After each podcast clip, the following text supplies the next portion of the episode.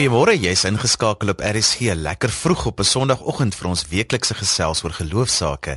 Ek is Johan van Lille en saam met my agter die mikrofoon is Liselde Brein. Goeiemôre. Ons gesels oor geloof en godsdienst in Sondagjoernaal op RSG 100 tot 104 FM en jy kan saamgesels by 3343 teen R1.50 per SMS. Of los vir ons 'n boodskap op Sondagjoernaal se Facebook bladsy. En as jy Twitter verkies, sal jy ons ook daar kry. Dis altyd lekker as julle saamgesels. Vera Viljoen van Ridgeway Park in Rodepoort is ingeskakel en Dominicoen van Robertson het vroeër laat weet dat hulle verlede week se program oor depressie en selfdood baie waardevol en insiggewend gevind het. Chris Swart is ook vanaf net buite Berlyn via die webwerf ingeskakel by rsg.co.za. Nou ja, môre is dit lente en 'n nuwe seisoen en die bloeisels is ook al oral uit. Vanoggend gesels ons met Dominifani Kriel oor nuwe seisoene en nuwe groei.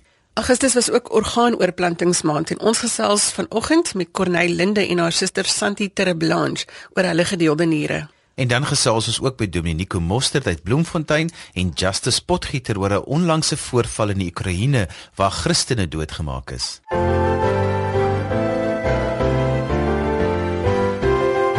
Stefanie Kriel is predikant by die Strooidak gemeente in die Parel, maar hy is nie net dominee nie, hy is ook sielkundige en werk met spesiale programme vir dissipline by skole. Goeiemôre Fanie. Goeiemôre Elsel. Lekker om jou hier by ons te hê vandag. Ek hoop jy gaan sommer die hele oggend saam met ons kuier. Altyd heerlik. Fanie, môre is lentedag. Die jaar is lank, mense is moeg. Wat kan ons as gelowiges doen om nuwe groei te stimuleer? Dis wel ek dink die belangrike ding voordat ons kom by die hoe, dink ek moet mens eers net sê dat ons moet bewus word van nuwe groei en om nuwe groei te stimuleer in jouself en ook in kerke. Ek dink dis waar die ehm um, program vanoggend gaan en vir my gaan dit in die eerste plek die dat is om bewuslik te lewe. Om bewus te wees van dat daar moet nuwe groei geplaas word in jou eie lewe en in die kerk en dat God is 'n dinamiese God. Ehm um, en dat jy altyd sal moet nie dink en altyd sal moet sê maar wat wil die Here nou in hierdie konteks vir my vra maar ook die wêreld waarin ek leef. So ek dink dis die heel eerste belangrike punt is 'n bewuslik lewe. Nathaniel Brandon sê in een van sy boeke The Six Pillars of Self-Esteem, praat hy van mense met 'n sterk eie waarde en mense wat groei in hulle self wil bewerkstellig is mense wat in die eerste plek bewustelik is. Bewustelik leef, bewus is van wie jy is en hoe jy groei noodsaaklik en ook van watter tyd van die jaar jy is. Want as 'n mens nie verander nie, jy kan tog nie net soos 'n visstammetjie wees wat se water nooit in en uit vloei nie. Nee, nee, verseker nie. Jy gaan dit moet besef vir jouself en dan moet gedurende groei plaasvind. En en ek dink die tweede dat waaroor ek vanoggend wil praat is dat net deur na die wese van Christus te kyk. Ek bedoel Christus is 'n dinamiese God, uh wat 'n God wat elke dag verander en 'n God wat ons elke dag wil verander. As mens kyk na sy skepping en hoe dat hy nuut skep. En nog 'n ding van die wese van Christus, hoe dat hy die heeltyd kies vir lewe. Lisel, um, hy het gekies om buite homself uit te gaan en eers spasie te skep. Jy weet amper niks te skep in die begin. Um, en in daai spasie het hy mense gaan skep en het hy lewe geskep. En so sien ons dit vir duisende jare hoe God lewe skep. En dan kom hy en en wanneer eintlik die Judaïsme aan die einde van Malagi eintlik bankrot is op daai stadium kom hy en bring hy weer vir Jesus Christus na die wêreld toe en skep hy kies hy weer vir lewe om vir Christus um lewend te raak word. Maar dan kies hy vir die grootste lewegewende gebeurtenis ooit en dis wanneer sy seun uit die dood uit opgewek word. So God is iemand wat die heeltyd nuut maak en die heeltyd nuut ding. En en die meeste van ons wat in kerklike tradisies is, moet ook onthou dat ons kerklike tradisies is 'n um, 'n tradisie van van gereformeerdheid en nuut word en vorentoe gaan en reform, elke dag 'n nuwe vorm aanneem. Van die voordat ons by die derde dat kom. Ja. Mense is bang vir hierdie reformatie want hulle raak veilig in dit wat hulle ken. Ja, verseker. Kyk, ons is mos gewoonte diere, nê, nee, mense. En ons hou daarvan om die goed dieselfde te doen en hoe ons altyd dit gedoen het. En dan ja, dan is dit ook nog verskillende persoonlikheidstipes. Jy kry sekere mense wat maar meer in die meerderheid is wat absoluut hou van goed wat dieselfde bly. Jou innoveerders en jou mense wat buite die grense kyk en stoot vir verandering die heeltyd.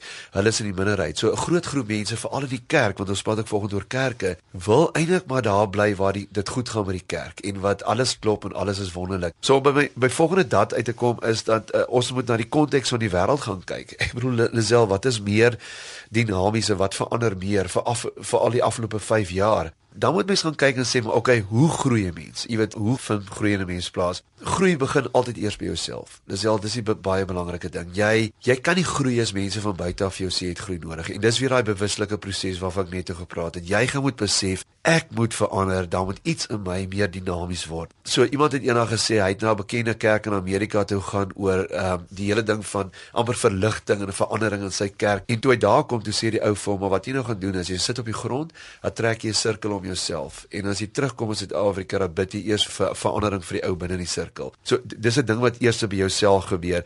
'n Volgende ding met met hoe is ehm um, spandeer baie tyd in gebed met die Here. Ons ons lees hoe dat Nehemia voordat die muur herbou het, hoe dat hy eers lank in gebed by God uh, stil geraak gesê Here, wat wil U moet ons doen?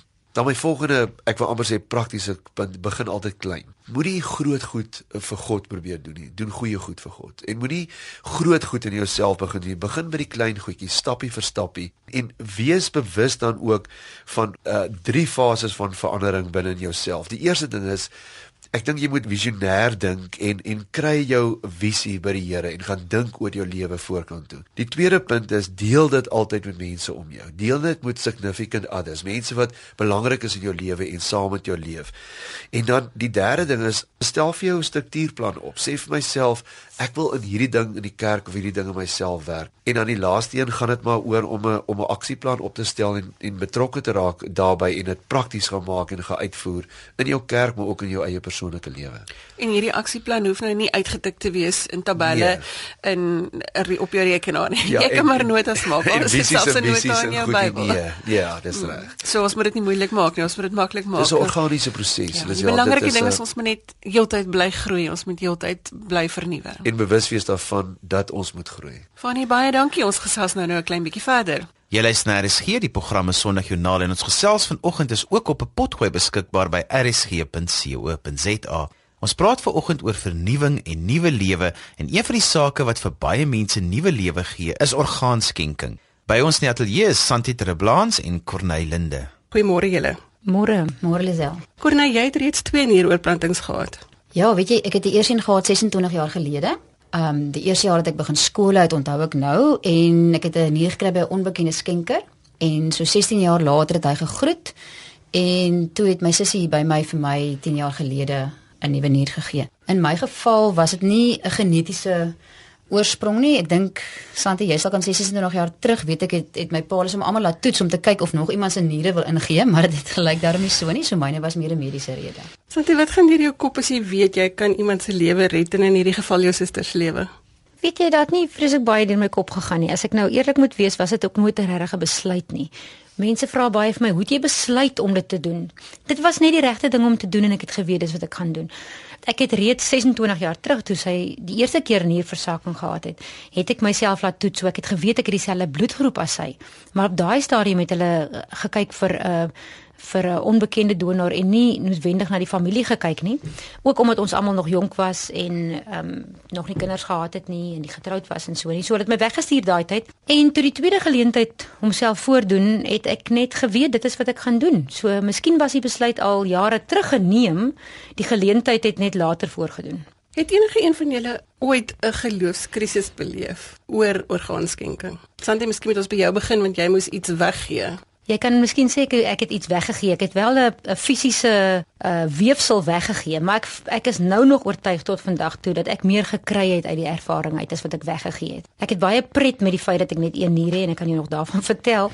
Maar ehm um, dit is nie daar was nie 'n etiese rede by my nie. Ek het uh, nog altyd geglo aan orgaanskenking. Ek is 'n arbeidsterapeut van opleiding, so ek het heelwat mediese kennis van van weefsel en ek weet jou nier gaan nie saam met jou hemel toe gaan nie. So ek het nie 'n etiese bekommernis daaroor gehad nie. Wat my familie wel gehad het en nou praat ek van my man en my kinders. My kinders was nog redelik klein daai tyd. Vir hulle was dit meer 'n kwessie van gaan ek gesond wees daarna? Gaan ek met een uur kan 'n vol lewe lei en gaan ek kan ehm um, vol uitlewe nadat ek een van my niere weggegee het. So dit was ook 'n groot operasie om te deur te gaan met al die risiko's wat daaraan verbonde was. En my my gesin van oorsprong was al een keer daardeur. Ons het die positiewe resultate gesien van die eerste nieroorplanting waar my man en my kinders en my skoonfamilie dit nie gehad het nie. So vir hulle was daar 'n bekommernis daaroor, maar by my was dit nie 'n kwessie van dit is wat ek gaan doen, so leef daarmee saam. Corneille en jy moes 'n liggaamsdeel van iemand ontvang. Wat is jou gesprek met God wanneer hierdie ding met jou gebeur? Weet jy Lisel, ek moet eerlik vir jou sê, ek dink Santi kan saamstem. Ek was te siek om regtig daai tyd dit, dit te kon doen. Maar ek dink op die ou end ek leef nou al meer as die helfte van my lewe met 'n oorgeplante nier en en in die begin het ek gedink dit gaan vir my baie snaaks wees. Maar dan besef ek later ek en Santi was nou lank by mekaar en ek het nooit daaraan gedink nie dat ek nou haar nier het nie. Ons in die begin is dit nou baie meer dink mens daaraan, maar later besef jy dit is so deel van jou lewe. Maar wat my gesprek met God betref, moet ek vir jou sê, omdat ek 'n verhouding met hom het, eh, is ek elke dag in gesprek met hom en hierdie ding is so deel van my lewe. Dis my paadjie wat ek stap. So Natuurlik het ek 'n gesprek met hom daaroor elke dag. Want daar's 'n groot verantwoordelikheid daaraan gekoppel. Jy moet elke dag medikasie drink. Jy moet sorg dat jy nie siek raak nie, sulke dinge. Ja, nee, God is definitief deel van my pad. En jy is nou altyd bewus daarvan, Sandy, dat jy altyd baie gesond moet lewe. Dit is waar. Ehm um, ek het nog my lewe lank met oorgewig gesukkel en voor ek die nier kon skenk, moes ek 'n hele paar kilogram verloor en dit was nogal moeilik vir my. Was net so na ek my jongste babatjie gehad het. En uh, daarna het ek geweet ek kan nie weer oorgewig raak nie, maar ek het want dit is 'n geneigtheid by my. So jaar terug het ek die besluit geneem om vir 'n bariatriese um, omleidingsoperasie te gaan en ek het heelwat gewig nou verloor. So ek moet na my gesondheid kyk, ek moet na my gewig baie fyn dophou Maar dit weeg nie naaste by op teen die voordeel wat ek elke dag beleef deurdat ek my suster by my het en dat ek dat ek weet dat sy gesond is en 'n vol lewe kan lei nie. 'n Laaste gedagte van elkeen van julle vir gelowiges wat vanoggend luister en dalk die besluit moet neem om 'n orgaan te skenk of wat wag om 'n orgaan te skenk. Baie mense sê in hiernamaals kan jy mos nou nie sonder jou liggaam klaarkom nie. Maar wat is 'n laaste gedagte, 'n positiewe gedagte van julle om vir mense te sê dit is die regte ding om te doen? Wel, ek kan maar net sê dit is definitief die regte ding om te doen omdat ek het die positiewe ervaring daarvan. Ek meen ek het nou 26 jaar regtig gesonde lewe. Iets wat ek wil sê vir mense wat 'n orgaan kry, onthou net dis deel van jou pad. 'n Ander ou stap 'n ander pad. Dis die pad wat jy stap. En vir my is die groot boodskap moenie toelaat dat dit jou definieer nie. Dis net deel van jou pad want um, daar's te veel mense wat rondloop met ag sies tog kry my jammer. Dis jou pad. Jou pad is jou pad. Bestuur dit, maak die beste daarvan. Um ek kan nie dink hoe jy dit sonder God kan doen nie. Dit is hy's my anker, maar ja. Ek wil net sê go for it. Skenke organe as jy kan. Van my kant af het ek geen verskil in my lewe agtergekom in terme van die hoeveelheid energie wat ek het, die hoeveelheid ehm um, lewenslus wat ek het, die motivering wat ek het om te doen wat ek moet doen in die lewe om 'n ma te wees, om te werk met mense met gestremthede. Dit het nie van my lewenskwaliteit weggevat nie, maar dit het 100% lewenskwaliteit bygevoeg vir iemand anders. En ehm um, dit is die een spare part wat 'n mens het is 'n nier wat jy kan weggee sonder dat dit jou funksie funksie beïnvloed. En deesdae is dit soveel makliker om 'n nier te skenk aangesien die hele operasie prosedure verander het. Dis nie meer so 'n groot ingreep op jou liggaam nie. As jy die kans het om a, om 'n orgaan te kan skenk of dit is terwyl jy lewe dat jy 'n nier skenk of dit is dat jy dit so beskryf dat as jy sou doodgaan deur dit skenk, dit is 'n ongelooflike gawe wat jy gee vir iemand anders om voluit te kan lewe. So ek wil vir mense wat altyd gewonder het of hulle dit moet doen of hulle dit nie moet doen nie sê dit is nie meer 'n vraag vir my nie. Ek het dit reeds gedoen en dit is dit is 'n vreugde en jy ontvang baie meer as wat jy ooit weggee. Baie dankie dat julle vanoggend saam met ons gekuier het. Santi en Corney, sterkte met die pad wat voor lê. Annelie van Rooyen is 'n bekende Afrikaanse sangeres wat reeds in 1979 haar debuut op die musiekfront gemaak het. Ons gaan vanoggend twee keer na Annelie se stem luister. Ons spring weg met Halleluja.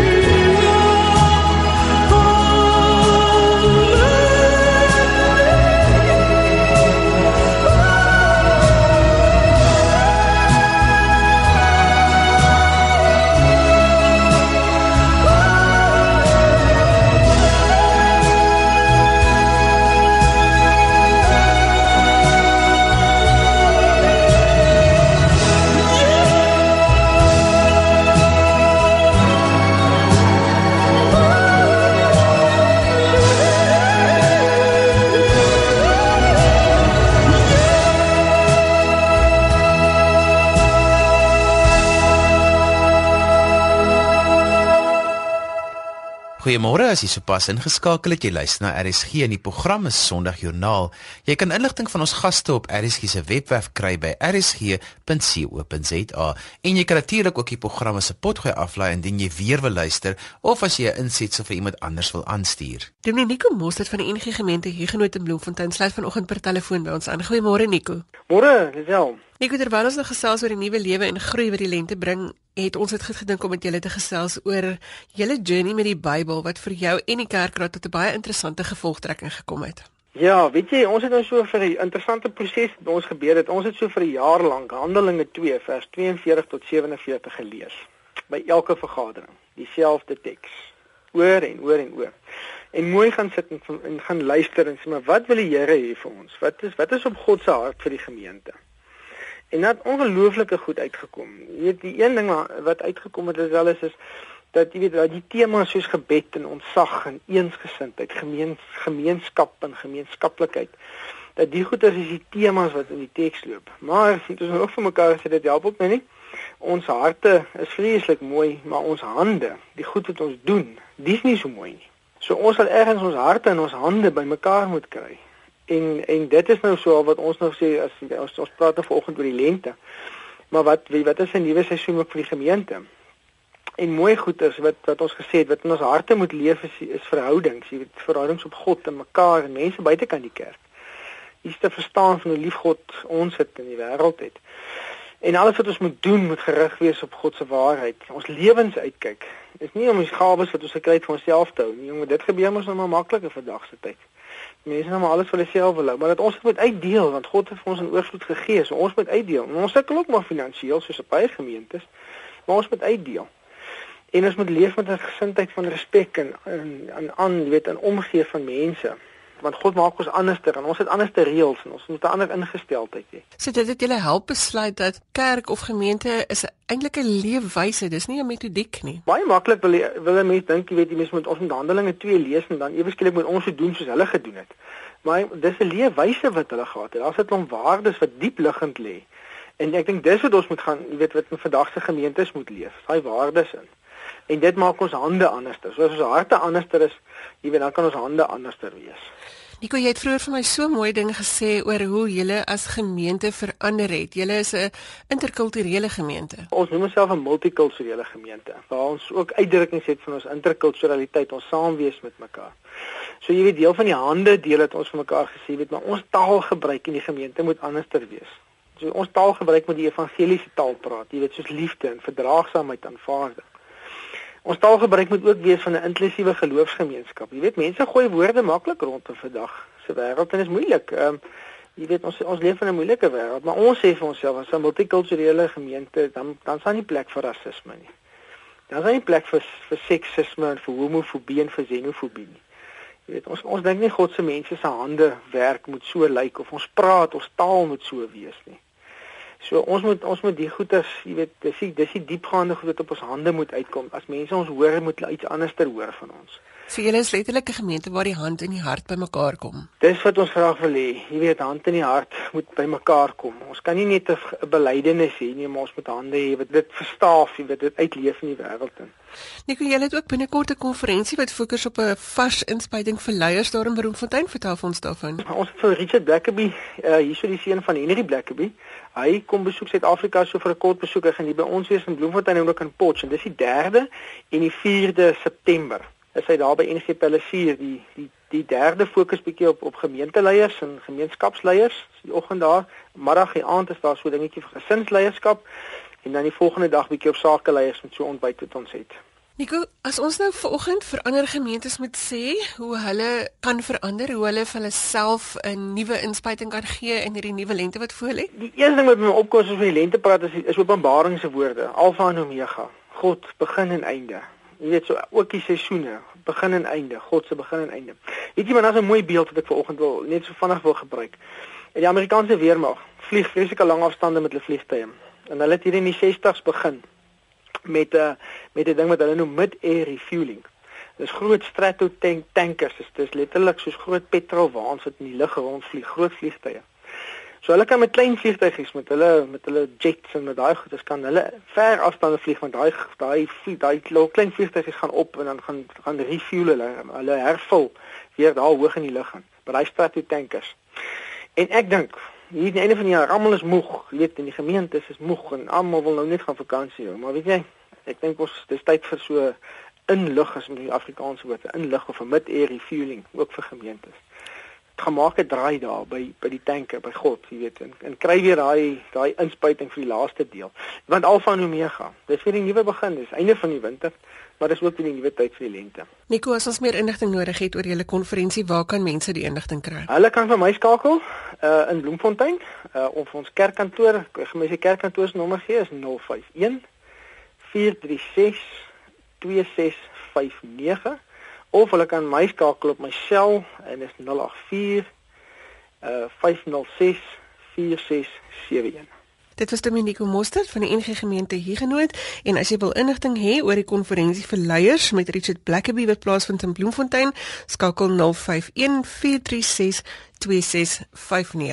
Dankie Nico dat jy vanoggend saam met ons gekuier het. Dankie, Lisa, lekker dag vir jou ook.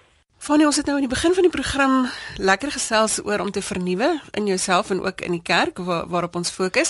Dankie dat jy die hele program by ons gekuier het. Dit was lekker om jou hier te hê. Dink jy dis belangrik dat ons 'n lewensafrigter moet hê in jou lewe. Dis mos die buzzword hier staan. Ja, dit is die buzzword. Lisel, ek dink tog so, maar ek wil onmiddellik sê dat dit dit hoef nie 'n professionele persoon te wees. Jy, jy hoef nie nou skielik te gaan begroot om hierdie guru in jou lewe te sien wat jou nou deur prosesse gaan lei nie. As ons terugdink in ons eie lewe, um, is daar tog mense, uh, amper hulle praat die Hollanders praat van legate, wat legacies, legate op ons lewe gelos het, nie. 'n um, Oupa wat gesit het met 'n knip mense bil om sit en sny het. Die mooi Afrikaans as seker wees 'n rolmodel. Rolmodelle, nê, nee, maar um, en wat ingeploeg het in jou lewe. Maar is nie mense wat doelbewus daar gaan sit en vir jou sê stap 1, stap 2 en ek vra jou soveel geld hiervoor. Dis dikwels 'n oupa of 'n ouma, 'n um, onderwyser met wie jy pad lank pad gestap het. Dit kon iemand gewees het, 'n goeie vriend of sommer 'n ouer persoon in jou gemeenskap met wie jy saam gewerk het of te doen gehad het. So, ek dink wel so. Ek dink mense hou daarvan om te modelleer, hou daarvan om te weet maar daar's iemand daar buite of iemand wat sommer net saam met my pad sal stap. Maar maar jy moet ook onmiddellik sê dat dat geloof ehm uh, verskillende gesigte en verskillende fasette het. Onthou, die vraag was vandag, moet 'n mens 'n lewensafrigter hê om jou op jou geloofspad te help? Baie Christene sal onmiddellik dink dit is hierdie pad van ek raak al hoe vromer en ek raak al hoe heiliger en geloof het verskillende fasette. Geloof het fasette, ek wil net vinnig daarna wys, soms om te twyfel. Geloof het soms 'n faset om te wonder oor God en te wonder oor die lewe. Soms het geloof ook 'n dimensie van 'n afdraaipaadjie. Daai ding van af, elke afdraaipaadjie ken ek. Ehm uh, dis deel van geloof. Geloof het soms 'n gesig van vreugde wat ek uitbundig net kan bly wees in Christus. Soms is daar 'n element van klaag en smart in en ons lees baie daarvan in die Bybel. Soms is dit lof en aanbidding en soms is dit sommer net om te worstel met God. So as ons praat van 'n geloofspad, praat ons eintlik van 'n holistiese pad waar deur die mens gaan in sy lewe. En vir hierdie holistiese pad dink ek het jy iemand nodig wat half amper soos in jou skadukant. Ons kan ook praat van 'n wingman, iemand wat die hele tyd by jou is, sommer net 'n pad met jou stap. 'n Lewensafrigter is baie belangrik, Lisel. As jy vir iemand soek of jy het nog iemand in jou lewe, moet vir jou lief wees. Jou lief wees beteken dat iemand regtig sal inkoop in wie jy is en vir jou soms kan sê, kan berispe, soms jou kan aanmoedig, ondersteun, maar iemand wat wat in jou belangstel en nie in sy agenda vir jou lewe nie. Dis my 'n belangrike punt hierdie en wat vir jou moet omgee maar ook lojaal aan jou geloofspad moet wees. Onthou ons het nou hierdie verskillende geloofsfasette genoem. So iemand wat hierdie in 'n lof en aanbiddingsfase amper in sy lewe het en die Here is net goed en wonderlik. Moenie dit op jou kan koafforceer wanneer jy ons het verlede Sondag het ons daarna geluister wanneer jy gedagtes het van lewensdood of selfdood of wanneer jy in 'n gat sit. Ehm um, dit moet iemand wees wat saam met jou in die gat kan kom sit en vir jou kan verstaan waar jy is. Ehm um, dan wil ek sê dis iemand wat daar moet wees in jou spesifieke faset van die lewe, maar ook hoe jy die lewe op daai stadium verstaan. Ja, want partykeer sien ons mos nie dit wat eintlik voor jou oë is nie want jy is so in die situasie ingewerk dat jy nie eh, regtig kan sien wat die antwoord is nie. Ja, dis reg. So so dis ek amper so 'n mentor of 'n lewensafrigter. Ehm um, sy sy een voordeel is hy staan objektief, hy kan hom eksternaliseer van jou proses. Maar die ander ding is ook dat ehm um, hy so bietjie moet ook verstaan wat in jou lewe aangaan en hy moet beide hê om vir jou te kan help. So hy moet ook half in jou situasie kan inklim. Dan dink ek 'n lewensafrigter moet jou help met 'n paar goed. Ek ek dink hy moet vir jou help of sy moet vir jou help om jouself beter te verstaan. En en ek wil amper sê kom ons kyk net na die driehoek om jouself beter te verstaan, om God se rol en pad met jou lewe, dis die ander deel van die driehoek um, in jou lewe te verstaan. En dan die derde punt is om jou eie konteks te kan verstaan in die wêreld waarin jy leef. So as ons teruggaan na om jou beter te kan verstaan, dit moet iemand wees wat wat jou sal contain en sal kon omarm in watter fase ook al van jou lewe jy is. En iemand wat vir jou kan sê, weet jy, soos jy nou optree in jou werk of in jou huwelik of so stem ek meer saam nie. So moet ook iemand kan wees wat nie net altyd die regte goed vir jou kan sê in terme van wat jy wil hoor nie, maar iemand wat ook kan streng wees met jou en sê ek stem nie met jou saam as jy dit nou doen nie. Is dit die beste ding vir waar jy nou is? So iemand moet jou in jou belang. Dan moet iemand ook God se rol in jou lewe kan verstaan.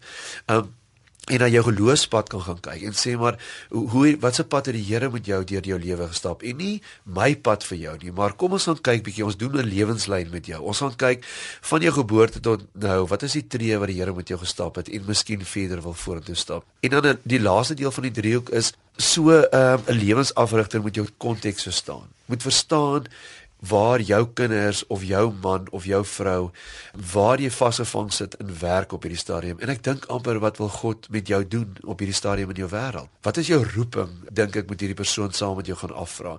En ons het dit mos nou al baie van mekaar hier gesê Liselma roeping bly maar daar waar jou grootste vreugde die wêreld se grootste nood ontmoet wat moet dit Teresa gesê het. So daai snypunt is jou roeping en om te vra maar hoekom is ek nou hier in my konteks en wat wil God deur my nou in hierdie wêreld beteken Want ek dink tog dit is belangrik dat ons net dit vinnig onderstreep dat 'n mens moet doelstellings hê. Al is dit 'n to-do list vir die week. Jy maak jou lysie van 5 goed. Dit is jou doelstellings vir die week om klaar te maak of om af ja. te handel en so moet jy vir jou lewe ook 'n pad hê. Jy moet iewers heen gaan. Ja. Ehm ja. um, jy moet 'n paar doelstellings hê wat jy kan neerskryf en aftik en en so iemand kan jou help om by daai doelstellings uit te kom. O, oh, Lisel, jy jy praat so in my kraal. Ek ek dink ek dink wat my baie keer frustreer is in terapie sien ek ook dit dat mense leef net. Dit dis mense asof hulle net hier ge, ge soos 'n robot bietjie gebiedie biedie op aarde gesit is en nou is hy geprogrammeer en nou moet hy net leef. Ons moet baie meer bewuslik leef. Ons moet baie meer vra waar hy is op pad. Dis al enige Suid-Afrikaner vanoggend wat hierdie program gaan luister. As jy in 'n vliegtyg of in 'n taxi klim, nê, nee, die een vital vraag wat jy daar vra. Jy vra nie eers watter tyd gaan ons daar aan die ander kant aankom nie. Dis jou tweede vraag. Die vraag is waarheen gaan ons? As jy 'n vliegtuig klim, wil jy as jy wil Australië toe vlieg, um, moet dit nie 'n vliegtuig wees op pad Amerika toe nie. So die eerste ding wat jy ook in jou eie lewe moet jou vir jouself moet vra, waar is ek op pad in my lewe? Ons het nie 'n tweede helfte nie. Ons gaan nie leef tot op 85 en dan kom ons by 'n streep en dan sê ons nou nou hardop ons weer terug en dan doen ons alles reg. Dis klaar, dis die einde. So my antwoord is om jou saam te stem. Ek wil amper sê vat 'n bestek op maar na my een keer 'n week. Net van jou week, net sê wat het ek gedoen, wat het ek bereik? Maar vir my belangrik is om so elke jaar iewers langs die strand of op 'n berg, jy en alleen net vir 5 ure te gaan sit. En sit sommer net met 'n stukkie stukkie papier en sê wat het ek bereik hierdie afgelope 5 jaar in my eie lewe? Nie in terme van finansiële sukses nie, dit kan ook miskien deel daarvan wees, maar wat het ek in my lewe bereik? Wat is wat se um, amper ek wil amper sê um significance, nee, wat se goed het ek gesien in my lewe om te sê dit is die goed wat my saak maak en ek het uitgekom by die goed wat my saak maak. Dis die goed wat my gelukkig maak. Ek het daarbey uitgekom. Ehm um, hierdie betekenisvolheid vir my is ongelooflik belangrik in my se lewe. Fanie baie dankie vir jou gesels saam met ons vanoggend. Die een ding wat permanent op my to-do lysie bly is om 1 kg te verloor, maar ek vermoed dit bly nog steeds 'n doelstelling wat ek wil behaal. baie dankie dat jy saam met ons gekuier het vanoggend.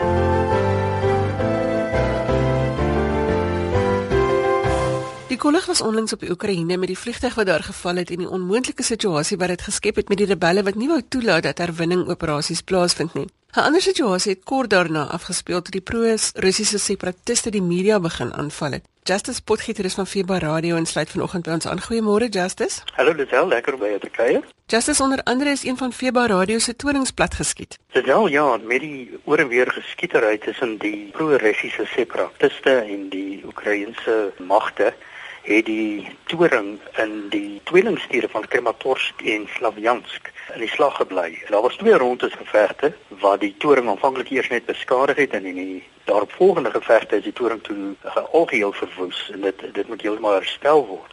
En in die proses het die pro-russiese separatiste toe natuurlik ook op alle media uh forme beslag gelê. Ons radiostasie is ook beset ons uh, direkteur wat ook daar gesetel is uh, vir die Oekraïne moes basies maar uh, onderhandel met hierdie mense vir die vrylating van die personeel en die stasie is toe beset en hulle is toe vrygelaat maar waar dit aanvanklik toe vir ons gebleik het dat dit die einde van die hoofstuk is het daar toe eintlik nou nog verdere tragiese jy weet dinge afgespeel vier pastore is na 'n kerkdiens toe uitgesonder en gevange geneem en die manne met die gewere het baie duidelik vir hulle gesê dat die boodskap van liefde en verdraagsaamheid nie nodig is nie en dat die media stil gemaak moet word. Ja, en en dit is 'n baie tragiese ding wat toe nou afgespeel het waar volgens vier jong manne, vier jong pastore, evangeliese manne in 'n kamer afgesonder is Lisel en daar vir hulle gesê is dat daar nie plek vir hulle is nie, dat die boodskap inderdaad nie daar welkom is nie. En die gevolg was was baie brutaal. Hierdie vier manne wat vrywilligers was en baie nou betrokke was by ons uitsaai werk en ook familielede van die direkteur was. Twee van hulle ten minste is toe brutaal vermoor, letterlik doodgeslaan, bloot omdat hulle Christene was, bloot waarvoor hulle gestaan het. En hulle is toe later in hierdie vertrek gevind, hulle laat families agter, kinders, uh, en nie net 'n gaping in hulle huishoudings, jy weet wat hulle families betref nie, maar ook in die bediening. En opsigte van die vooruitgang van die evangelie in die oostelike dele van die Oekraïne wat so broodnodig is na 75 jaar se kommunisme en daarop volgende 20 jaar van korrupsie en jy weet uh, baie swak regering. Maar toe gebeur daar baie mooi ding Justice. Ehm um, en jy het vir ons foto's gestuur wat ons op Facebook sal laai daaroor. Die mense het met hierdie vier pastore se begrafnis in die strate kom staan. Dit wat die bose probeer afmaak het, eh, die bose se triomftog is toe kort geknip lesel deur die feit dat die gemeenskap letterlik in vorm van duisende mense toe hulle meegevoel uitdruk en hulle het letterlik in die strate toue en rye gestaan en daardeur ook 'n baie sterk boodskap uitgestuur en uh, gesê wel vier van ons mense het julle nou brutaal weggeneem van ons maar kyk waarvoor staan die Oekraïne? Kyk de, hier is tog mense wat baie wel werklik glo en wat hulle glo en hulle staan waarvoor hulle staan. Staan vastig in geloof Dis dis miskien moet ons dalk net verduidelik hoekom dit so 'n uh, interessante ding is dat die mense in die strate kom staan. Presies wat doen Feba Radio? Feba Radio is 'n internasionale uitsaaier wat die evangelie aan die minstbereikte volke van die wêreld bedien. So ons is nie teenwoordig in lande waar die evangelie reeds baie sterk gevestig is nie. Ons saai uit in plekke soos die Oekraïne en inderdaad het ons ook vyf ander radiowerke in die Oekraïne. Dit is baie tragies dat hierdie een in die ooste nou verniel is en vernietig is, kan ons nou maar sê en uh en hy moet nou weer heropgebou word. Die toring word nou weer opgebou en ons wendpogings aan om hierdie werk weer aan die gang te kry, want die reaksie wat ons daarop gekry het, was oorweldigend. Die Oekraïne is honger en dors vir die evangelie. Daar is groot behoefte aan die boodskap wat vrymaak in daai land. So dis eintlik die die wonder daaraan. Julle bedien nie mense wat julle weet wat gesigte het en wat bymekaar kom in 'n kerk nie. Julle saai uit, julle gooi net die saad en dan byvoorbeeld soos by hierdie begrafnis dan kom daar mense wat sê maar ons luister na die boodskap en dis die krag van radio. Justice baie dankie dat jy vanoggend saam met ons gekuier het. Baie dankie Lisel. Vanoggend kuier die stigter van die Suid-Afrikaanse Huweliksweek Liesel van der Merwe by ons. Goeiemôre Liesel. Goeiemôre Lisel. Liesel is baie lekker om jou vanoggend by ons te hê. Ons program gaan juis oor nuwe groei, nuwe seisoene. Vertel vir ons van die Huweliksweek. Hoekom? Huweliksweek um, is 'n fantastiese inisiatief in Suid-Afrika en dit gaan spesifiek vir huwelike. Ons het dit gekies vir 1 tot 7 September juis omdat dit vir ons 'n seisoen is van nuwe hoop. En ons het nuwe hoop nodig in ons huwelike. Daar's baie egskeidings, hoë egskeidingssyfer en baie kinders met bagasie en ons wil sê vir vir vir paartjies wie sê is daar is hoop vir jou huwelik. Ehm um, staan op vir waar jy glo raak betrokke by jou huwelik en raak betrokke by die oplossing vir jou huwelik. Nou wat gebeur tydens hierdie week? 1 tot 7 September die maklikste is om na die webwerf toe te gaan. Die webwerf is word noem ons myhuwelik.co.za en jy kan gratis registreer. Met behulp van One Life het ons die fondse bekom om hierdie hele projekte loods. En as jy registreer op die op die webwerf, dan is daar 'n massa inligting. Die belangrikste is om na die daaglikse program eers toe te gaan. Die daaglikse program gaan vir jou 7 dae help om 'n nuwe blaadjie om te staan. So ons begin lekker September, lekker nuwe begin en dis 'n pad wat jy gaan stap saam met jou maat, saam met die Here en as jy kyk na die kommunikasie in die huwelik, jy gaan kyk na sleutelrolle in die huwelik en ook wat is ons elkeen se rol binne in ons huwelike. So elke dag is daar ietsie wat vir jou lei, wat vir jou 'n instruksie gee. Dit is anders 'n bietjie soos die love dare. Ja, en jy kry dit in jou jy kry dit as 'n e-pos en dit wys vir jou waaroor moet jy en jou man vandag gesels. Dis al ons fokus op geloofsake. Hoe bring julle geloofsake by hierdie huweliksweek uit? God staan sentraal in die huwelik. Die huwelik is die Here se idee van die begin af gewees. Hy het gesê dis nie goed dat 'n mens alleen is nie en hy het 'n maat gemaak. En ehm um, elkeen wat in die huwelik staan, kan daarvan getuig. Dat as jy vat ons huwelik, ek is nou amper 20 jaar getroud en as ek kyk oor is 20 jaar, kan ek sien die plekke van genade wat ons nodig gehad het om aan die ander kant uit te kom en ons probleme het ons gom geword, maar ons het hier moeilike tye. En ehm um, in daai tye as ons nie die Here gehad het om aan vas te hou nie, sou ons nie deurgekom het nie.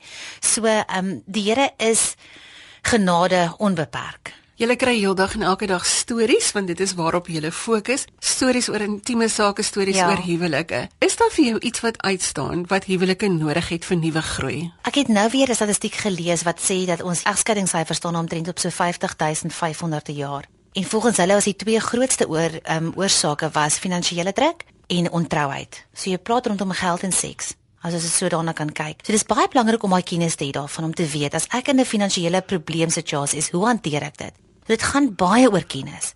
Dit gaan oor om realisties te wees en te weet hierdie probleem is 'n realiteit in ons lewens. Dit affekteer ons huwelik. Hoe reageer jy op 'n finans, finansiële probleem? Hoe reageer ek? En om daai kennis te hê om mekaar reg te verstaan en dan te leer om te kommunikeer. As ons kan praat met mekaar en as ek vir jou kan sê wat my probleem is en jy klank net terug vir my om te sê, ek sê vir jou, ek is bekommerd ons kan nie die skool betaal nie. En ek sê vir jou terug Ek hoor jy sê jy's bekommerd want ons kan nie die skool betaal nie. Dan beteken ons klank vir mekaar, ons luister vir mekaar.